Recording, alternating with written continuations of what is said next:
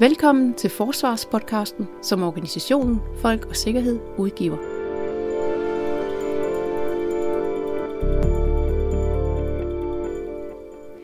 Denne gang kan vi fortælle, at der kun er én vej. Udvid værnepligten. Indfør også tvungen værnepligt til kvinder. Hvorfor det er nødvendigt, kan du høre i udsendelsen her, hvor blandt mange fagfolk, forsker Peter Viggo Jacobsen fra Forsvarsakademiet medvirker i.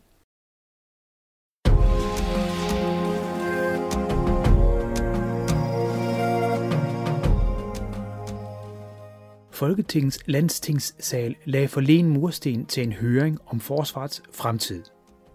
Det var organisationen Folk og Sikkerhed, der stod som arrangør af det velbesøgte arrangement, og derfor var det da også organisationens formand Peter Michael Andersen, der bød gæsterne velkommen herre general og admiraler, medlemmer af Folk og Sikkerhed, mine damer og herrer, kære alle. Velkommen til Folk og Sikkerheds øh, årlige sikkerhedspolitiske konference på Christiansborg, som vi afholder i øh, samarbejde med øh, Forsudvalget.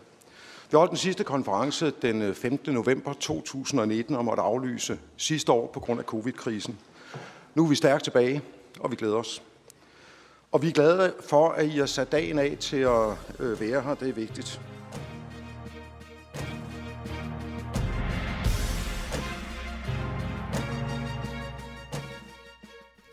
Nu er netop forsvaret ikke noget her og fru Hansen normalt interesserer sig ret meget for, men det burde de nok.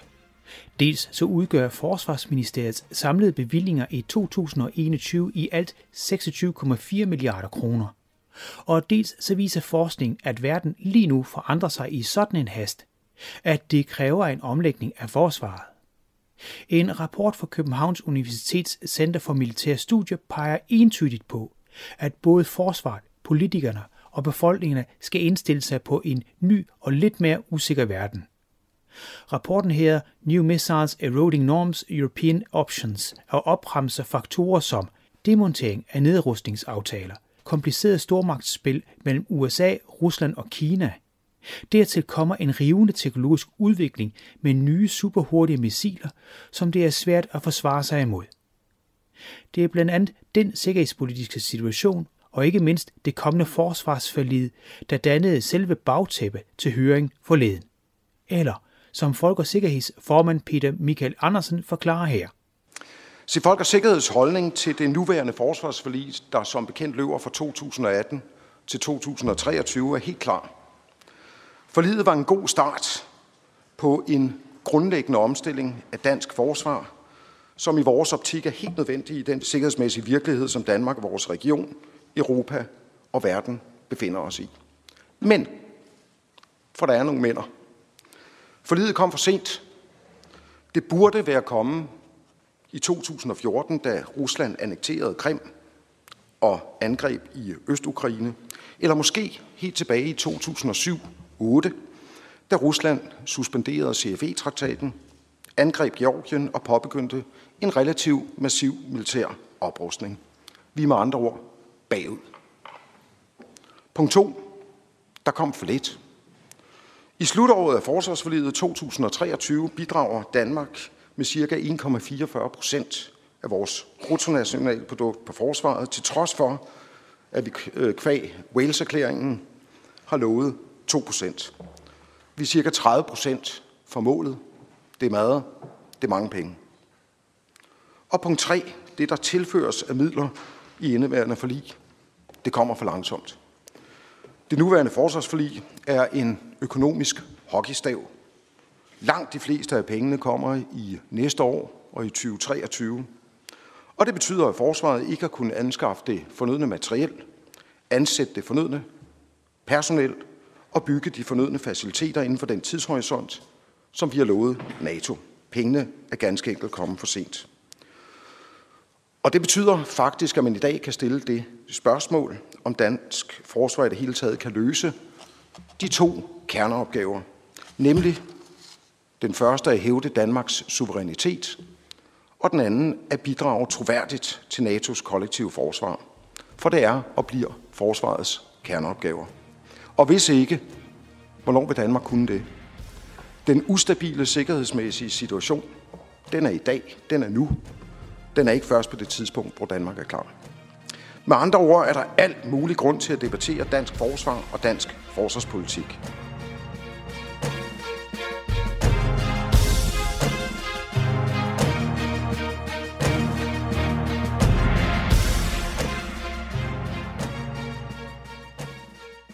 Så vidt altså Peter Michael Andersen, som helt åbenlyst ikke stod alene med sine synspunkter. Her for eksempel programs næste taler, Nils Flemming Hansen, medlem af det konservative Folkeparti og for Folketingets forsvarsudvalg. Jeg vil forsøge at holde min tale øh, upolitisk. Øh, jeg tror ikke, der er så mange, der er i tvivl om, at, at Peter og jeg kan være meget enige på mange af de punkter, du har adresseret i dag. I forsvarsforledet forsøger vi politikere jo at give forsvaret så god en hvad skal man sige, en værktøjskasse som overhovedet muligt for at kunne håndtere de udfordringer og de opgaver, som vi gerne vil have, at forsvaret tager sig af. Og lad det være sagt med det samme. Det er en meget omskiftelig verden, forsvaret lever i. Det udenrigs- og sikkerhedspolitiske landskab er under stærk forankring og forandring i disse år. De regelbaserede internationale samarbejde er udfordret og vi oplever en øget stormagtsrivalisering. Truslerne bliver flere og mere komplekse. Ja, man kan tilføje, de bliver mere og mere uforudsigelige. Og det er jo ikke kun de traditionelle militære trusler, vi skal forholde os til. Cyberområdet er og bliver en større og større del og får en større og større rolle i trusselsbilledet. Og det er jo ikke mere end et par dage siden, at vi hørte om en, et hackerangreb på en større dansk virksomhed. Situationen kræver, at vi skal være på forkant med udviklingen, når vi skal beslutte, hvordan forsvaret skal indrettes og hvilke kapaciteter vi skal investere i. Og her spiller øh, vores medlemskab jo af NATO naturligvis en helt afgørende rolle. Danmark skal være en troværdig allieret, som de øvrige medlemslande kan regne med. Og vi ved jo alle, at det er lidt udfordret i disse dage. Statsministeren sagde for nylig, at det er regeringens ambition, at det kommende forsvarsforlig skal løfte forsvarsbudgettet i retning af at udgøre de 2% af BNP, som Danmark og de øvrige NATO-lande har forpligtet sig til og lovet hinanden. Jeg tror ikke, jeg overrasker nogen, når jeg siger, at vi konservative længe har løftet et ønsket markant løft af forsvarsbudgettet. Alt i alt står vi for en periode, hvor vi skal træffe en række forsvarspolitiske beslutninger og foretage en del prioriteringer. Og her er det afgørende, at vi har et solidt og et oplyst grundlag at arbejde ud fra frem mod det næste forsvarsforlig.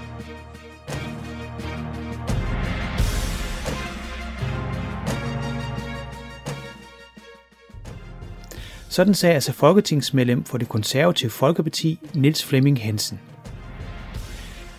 Et solidt og oplyst grundlag, sagde han. En del af de agendaer, forsvaret selv ser for sig, er netop fastholdelse og rekruttering af ansatte. De punkter kom Jesper K. Hansen netop ind på. Han er formand for Centralforeningen for Stampersonal. Med andre ord formand for de ca. 8.500 ansatte på forsvarsområdet. Og han sagde sådan her. Det, øh, der er helt centralt, når jeg taler med mine medlemmer, det er, de vil sådan set egentlig bare gerne passe deres arbejde. Øh, og det er det, de, øh, de oftest siger til mig. Kan vi ikke bare få lov til at være soldater derude, i stedet for alt det bøvl, der bliver trukket ned over hovedet på os? Jeg skal nok vende tilbage til nogle af de her ting på et senere tidspunkt. Altså, de her mennesker, de er meget dedikerede til deres arbejde. De vil gerne det her, øh, og, det skal vi, øh, og det skal vi passe meget på, øh, ikke at, øh, at nedbryde. Jeg har lavet en lille liste, som jeg vil øh, holde mig til, og den kommer her. Øh, der er mangel på soldater i dag. Det var der også i går, og det bliver der også i morgen. Så derfor er det her det er ret vigtigt, at man politisk forholder sig til, at øh, det er en udfordring. Vi er simpelthen ikke nok i dag øh, til at løse de mange opgaver. Og det, det, jeg står og siger, det er ikke, at soldater ikke vil løse opgaver. Jo, de siger, jeg vil og løser opgaven. Men det er også noget af det, når man får en trang hverdag, der får folk til at, at vende sig imod forsvaret, så ser man i andre retninger. Det, øh, det der er, det er, at vi har et lille, vi har et lille forsvar. Øh, og det, det, det er vi nødt til at anerkende. Og jeg ved godt, at man bruger mange penge på det her, men det er et forholdsvis lille forsvar. og vi vil gerne fagne det hele, og det giver jo nogle udfordringer, når man vil det hele for det halve, som jeg plejer at sige. Så, så, så det er ret vigtigt at forholde sig til, at det forsvar, vi har, det er lille. Og, jeg, og, og bare for at tage et eksempel, så er det således, at øh, vi har et øh, kampfly, og vi får lige om lidt et nyt. Det er placeret et sted i Danmark, øh, og der, øh, der, der skal man jo rekruttere til øh, det ene sted i Danmark. Og det, det, det kan godt være en udfordring nogle gange at få nogen til at flytte rundt på kryds og tværs. Det er blevet sværere, mobiliteten den er blevet mindre, så, så man har ikke sådan lige kaster det hele over styr, og så, så, så vælter man over til øh, Skrydstrup. Ingen noget ondt i det, det er bare et, et bevis på, eller et, et, et, et, øh, et, en, en, en, øh, et bevis på, at, at øh, der er en udfordring i forhold til at kunne rekruttere de, på de områder. Og, og, og ud fra det, at man har en økonomisk øh, styring, der er ens, om man er i Høvelde eller man er i Skrydstrup. Og der er altså nogle forskellige udfordringer, fordi jeg tror, øh, når jeg sådan kigger sådan set på, øh, på det, så har Livgarden ikke ret svært ved at rekruttere, men det har, man, det har man andre steder. Så det er et lille forsvar, og det bliver man også nødt til at forholde sig til i, i fremtiden, når man skal øh, kigge på, øh, på, på, på det, at, øh, at man skal have forsvaret til at hænge sammen. Ofte hører jeg det, at øh, der simpelthen ikke er nok tid til uddannelse på kerneopgaven. Og når man begynder at, at, at vakle på kerneopgaven, så bliver det et problem. De siger til mig, Jesper, jamen, vi holder første og anden lektion hver, hver, hver gang vi starter op, fordi det er nogle nye mennesker, der sidder hver gang. Når vi holder øvelse, er vi ikke hele, hele, hele enheden samlet, og det giver jo nogle udfordringer, når det vi går ud og kæmper det med vores liv, øh, så, så er det, vi har i rygsækken, det er jo vigtigt for, hvordan vi løser den her opgave. Og hvis vi begynder at, at, øh, at fire på det, at, øh, at soldaten kan løse kerneopgaven, så er det et kæmpe problem. Og det er jo noget af det, jeg hører, som er en, en udfordring, når jeg taler med mine, at de er lidt bekymrede for deres egen situation rent uddannelsesmæssigt, men de er også bekymrede på deres øh, folks øh, øh uddannelsesmæssige situation, fordi de simpelthen ikke kan nå at, lø- at, at uddanne sig til den opgave, de skal løse. Så er der personaleomsætningen. Jeg ved godt, øh, der er nogen, der siger, at forsvars personaleomsætning, den er jo sådan ligesom andre virksomheder, det er jo, det er jo sådan lige 10-12 øh, procent, og det er ret godt. Men det er det bare ikke her, fordi hvis man dykker ned i tallene, så, øh, så, er, det, så, så, så er det sådan ikke bare øh, sort og hvidt. For det første, så er forsvaret jo en virksomhed, som uddanner til sig selv. Man går ikke lige ud og gafler en kaptajn eller en seniorchant eller en overkonstabel ude på arbejdsmarkedet. Så den omsætning, den skal kunne håndtere, at vi uddanner til os selv. Vi er altså nødt til at uddanne til det, at der går en, øh, en seniorchant eller en kaptajn. Det andet er, at der er også forskel på personalkategorierne. Øh, og jeg siger gerne sådan lidt populært, at, øh, at forsvaret det er, det er som orkestret på Titanic. Øh, de spiller, mens skibet går ned. Og når jeg siger det, så er det mest i forhold til de ældre, dem der har en tjenestemandsansættelse i forsvaret, fordi det er dem, der løser opgaven. Fordi de unge, øh, når man kigger på den personalomsætningsprocent, der er på de unge mennesker, så er den, øh, så er den langt øh, under det, som, øh, som er de der 10-12 procent. Øh, I herren, der taler vi om øh, 28 måneder for en, en konstabel, der går ind og går ud igen. Og det er, det spilder penge øh, uddannelsesmæssigt. Der skal vi finde ud af, hvordan håndterer vi det. Og, og i søværnet, der er ikke rigtig lavet nogen opgørelser, men det kommer vi til. Øh, der, fordi der er det også sådan, at de unge springer fra. Og når de unge springer fra, så er det de ældre, der er tilbage og skal løse opgaven, og så når de ikke at, øh, at, at gøre det på den optimale måde, og heller ikke selv kommer derhen, hvor de skal være. Så det her det er også en kæmpe udfordring, man er nødt til at, øh, at forholde sig til, i forhold til, hvordan dykker vi ned i det her, hvordan sørger vi for, at de unge mennesker vil os. Og så vil jeg bare tale om noget af det, og det er måske noget i forhold til det operative, hvor jeg sagde, at det vil jeg ikke sige noget om, men jeg vil bare sige, vi bliver nødt til også at kigge ind i et, et generelt beredskab øh, i Danmark i forhold til at bruge de kapaciteter, vi har, øh, og herunder ikke mindst værnepligten. Øh, og jeg kan lige så godt sige det, jeg tror ikke på en større styrke, en større stående styrke. Jeg tror mere på, at man ved også at, at anvende både reserven og værnepligten kan komme et andet sted hen.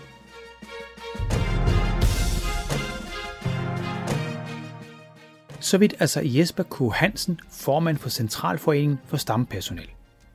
Han nævnte desuden også, at manglende udstyr fra støvler og uniformer til militært isenkram heller ikke ligefrem skaber glæde blandt hans medlemmer. Og så nævnte han flere gange værnepligten. Netop værnepligten ser lektor Peter Viggo Jacobsen fra Forsvarsakademiet som en ret væsentlig ting at se nærmere på. Han mener faktisk, at der ikke er nogen vej udenom at udvide antallet af værnepligtige. Men inden han kom ind på det punkt, så var Peter Viggo Jacobsen lige nødt til at sige det her. Jeg blev godt nok præsenteret som debattør indledningsvis, og det kan jeg måske godt forstå, fordi jeg fylder jo en del i mediebilledet indimellem. Øh, men nu er jeg jo rent faktisk ansat som forsker ude på Forsvarsakademiet. Og det betyder jo så også, at i det her politiske klima, som vi har i øjeblikket, så er jeg nødt til lige at præcisere, at jeg taler altså ikke på forsvarets vegne. Jeg taler heller ikke på Forsvarsakademiets vegne. Jeg taler i min egenskab af forsker, som har inden for rammerne af, øh, hvad det hedder, Forsvarsakademiet, lov til at forske i de områder, som står i min ansættelseskontrakt, og dermed også det, øh, som jeg, hvad det hedder, underviser i. Og det er så også det, jeg bruger som baggrund for det, jeg siger her i dag, at hvad det hedder, jeg har forsket i det her, jeg har udgivet peer-reviewed artikler i bøger og artikler omkring øh, rammen for det her, øh, hvad det hedder, oplag, som jo altså handler om den strategiske ramme, som forsvaret er i. Men vi har jo sådan set allerede hørt, at trusselsbilledet er under hastig udvikling, og øh, hvis man kigger på Forsvars, øh, Forsvarets efterretningstjenestes trusselsvurdering, så kan man jo se, at der er trusler nok til alle, og hvis vi også lige havde spurgt ud i beredskabet, så har det også stået farligt værd på den her liste. Så det viser jo, at vi faktisk har rigtig mange opgaver, der skal løses på én gang, og det ene, det er, øh, hvad det hedder, suverænitetshåndhævelse øh, omkring Danmark og i rigsfællesskabet, og den anden, den er så det kollektive forsvar og afskrækkelse i NATO. Jeg ser faktisk en tredje kerneopgave, og det er at bidrage til at skabe stabilitet i syd, til at være med til at, at, at, at forebygge konflikter osv., bekæmpe pirater, som vi ser i øjeblikket, og som jo fylder en del, fordi at øh, øh, frøerne fik fat i nogle pirater, øh, og nu har skabt nogle spændende, spændende problemstillinger omkring øh, tilbageholdte og frihedsberøvelse, som vi før har været omkring, og det bliver interessant at se, hvordan dem bliver, bliver tolket dengang. Men for mig at se, skal vi altså både være til stede i nord, at løse vores stigende forpligtelser i, i, i ramme af rigsfællesskabet. Vi skal være stigende til sted på Østfronten for at være med til at afskrække russerne. Vi skal også være stadigvæk til sted i syd, og det var jo præcis også det, som politikerne lavede op til i sidste forlig, hvor der jo er en ambition om, at vi skal øge vores kapacitet til at bidrage til stabiliseringsoperationer i syd. Og så er der altså også lige det her med Kina som hvad det hedder, øh, ikke fylder helt så meget i FE's trusselsvurdering, fordi det er jo nærhedsprincippet, og det er jo der, hvor det har direkte berøring med forsvaret.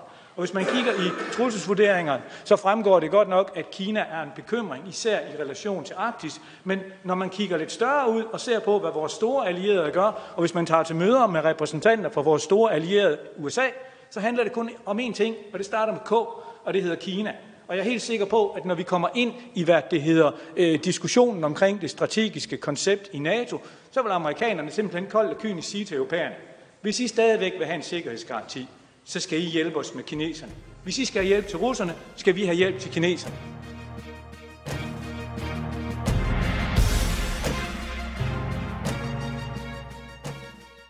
Sådan fastslår altså Peter Viggo Jacobsen med hans forskningsbriller. Det er med andre ord allerede nok at tage fat på for forsvaret, og der bliver endnu mere i fremtiden. For godt nok vil USA hjælpe europæerne, hvis f.eks.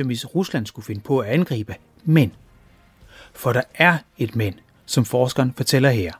Vi må forvente, at europæerne i stigende grad selv skal holde, holde for og løse problemerne, hvis vi får problemer med, at der er lande i syd, som skaber problemer for os ved at eksportere, hvad det hedder, eller importere flygtninge, som de sender mod den polske grænse, eller en af de baltiske grænser, eller en anden ydre grænse.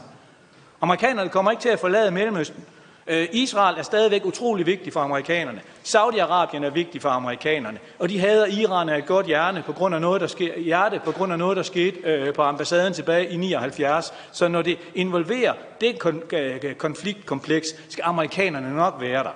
Og vi ser også amerikanerne opbygge dronebaser på det afrikanske kontinent, som gør det muligt at slå ned der, hvor det bliver vigtigt for amerikanerne.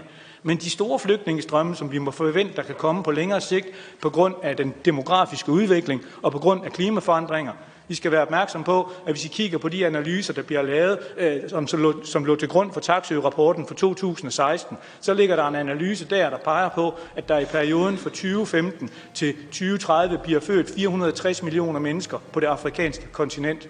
Hvor tror I, de går hen, hvis vi ikke lykkes med at lave en bedre øh, langsigtet stabilisering øh, af det afrikanske kontinent? Og så får det er derfor, jeg også ser det som en kerneopgave for forsvaret.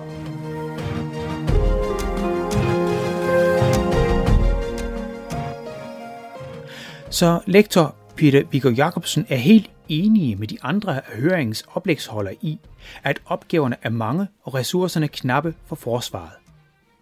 Men hvad er så løsningen? Og hvor kommer, som tidligere lå i udsendelsen, værnepligten ind i billedet? altså den som for eksempel formand for de kontraktansatte i forsvaret, Jesper K. Hansen, nævnte i sit oplæg? Jo, begge dele kommer han her ind på i form af en ønskeliste. Så min ønskeseddel, aller, aller øverst på min ønskeseddel, og det er langt over flere F-35 og smarte Tomahawk-missiler til, hvad det hedder, frigatterne og øh, luftværn til flyvevåben, og hvad vi ellers kan finde på af nye smarte skinnende dimser. Det er altså at give forsvaret en reservebænk. Altså, at vi ikke øh, på de kritiske steder er one man eller one woman deep, som det er tilfældet nogle gange, således at vores hvad det hedder, frigatbesætninger ikke skal skraldes, inden de skal op og på skydeøvelser op ved kniben, fordi der altså ikke længere sidder en våbentekniker inde på land, der kan være med til at tilrettelægge øvelsen. Det, det tror jeg altså vil være ret væsentligt, også i forhold til at løfte den udfordring, som, som Jesper peger på. Og så skal vi altså også lige huske, at vi i øjeblikket er på vej ind i en periode med fuld beskæftigelse, og hvor alle skriger på, på, på arbejdskraft. Og derfor så ender jeg altså ved samme konklusion som Jesper, og det er ikke fordi, vi har talt sammen inden, at jeg kan ikke se, hvordan vi kan få fat i de hænder, vi skal bruge, hvis vi ikke øger indtaget af værnepligtige. Og altså få dem kørt gennem i maskinen, få dem gjort bekendt med, hvad det hedder forsvaret, således at der er flere, der melder sig frivilligt. Og så skal der også lave et system, således at de værnepligtige automatisk bliver lagt over i hjemmeværnet og reservestyrken, og der skal de altså pålægges nogle forpligtelser til at være med til at understøtte den nationale opgaveløsning. For ellers så tror jeg ikke, det kan hænge sammen. Og så er vi altså også nødt til at få kvinderne med. Altså, vi kan simpelthen ikke rekruttere nok, hvis vi ikke trækker på hele befolkningen. Så jeg mener altså også, at vi er nødt til at tage, at politikerne er nødt til at overveje at indføre værnepligt for alle, der ellers har den fysiske formåen, der er nødvendig. Og det kan jo nemt nok for mig at stå og sige, for min militære karriere, den snuttede jo positionen i sin tid, hvor jeg mødte en læge. Så kiggede han på min ryg, så skreg han af grin, og så blev jeg sendt hjem igen. Så det kan jo nemt forstå for mig, jeg synes, at de bare skal pålægge alle de der noget, som jeg ikke selv skulle. Men det ændrer ikke ved, at jeg kan ikke se, hvordan det hænger sammen ellers. Så Peter Viggo Jacobsen ser altså ingen vej udenom, at flere skal indkaldes som værnepligtige. Også kvinder.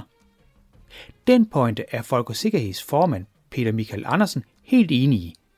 I hvert fald hvis forsvaret skal løfte alle de opgaver, der i dag skal løftes, og ikke mindst i en fremtid med endnu flere opgaver.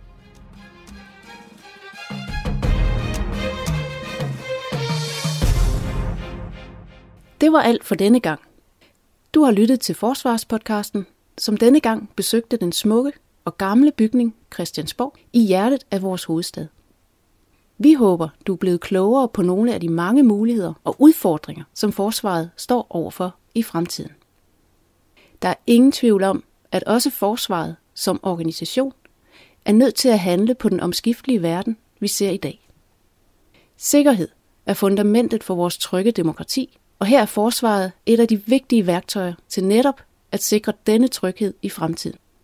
Både ved nationale opgaver og ved de internationale forpligtelser, vi har gennem samarbejdet med NATO. Det er Folk og Sikkerhed, der udgiver podcasten. Det er Jan Simmen, der er journalisten, mens Adam Sonic Meinerts sad med i redaktionen. Mit navn er Karina Ludvigsen, og vi høres ved i næste udgave af Forsvarspodcasten, som kommer til at handle om cybersikkerhed.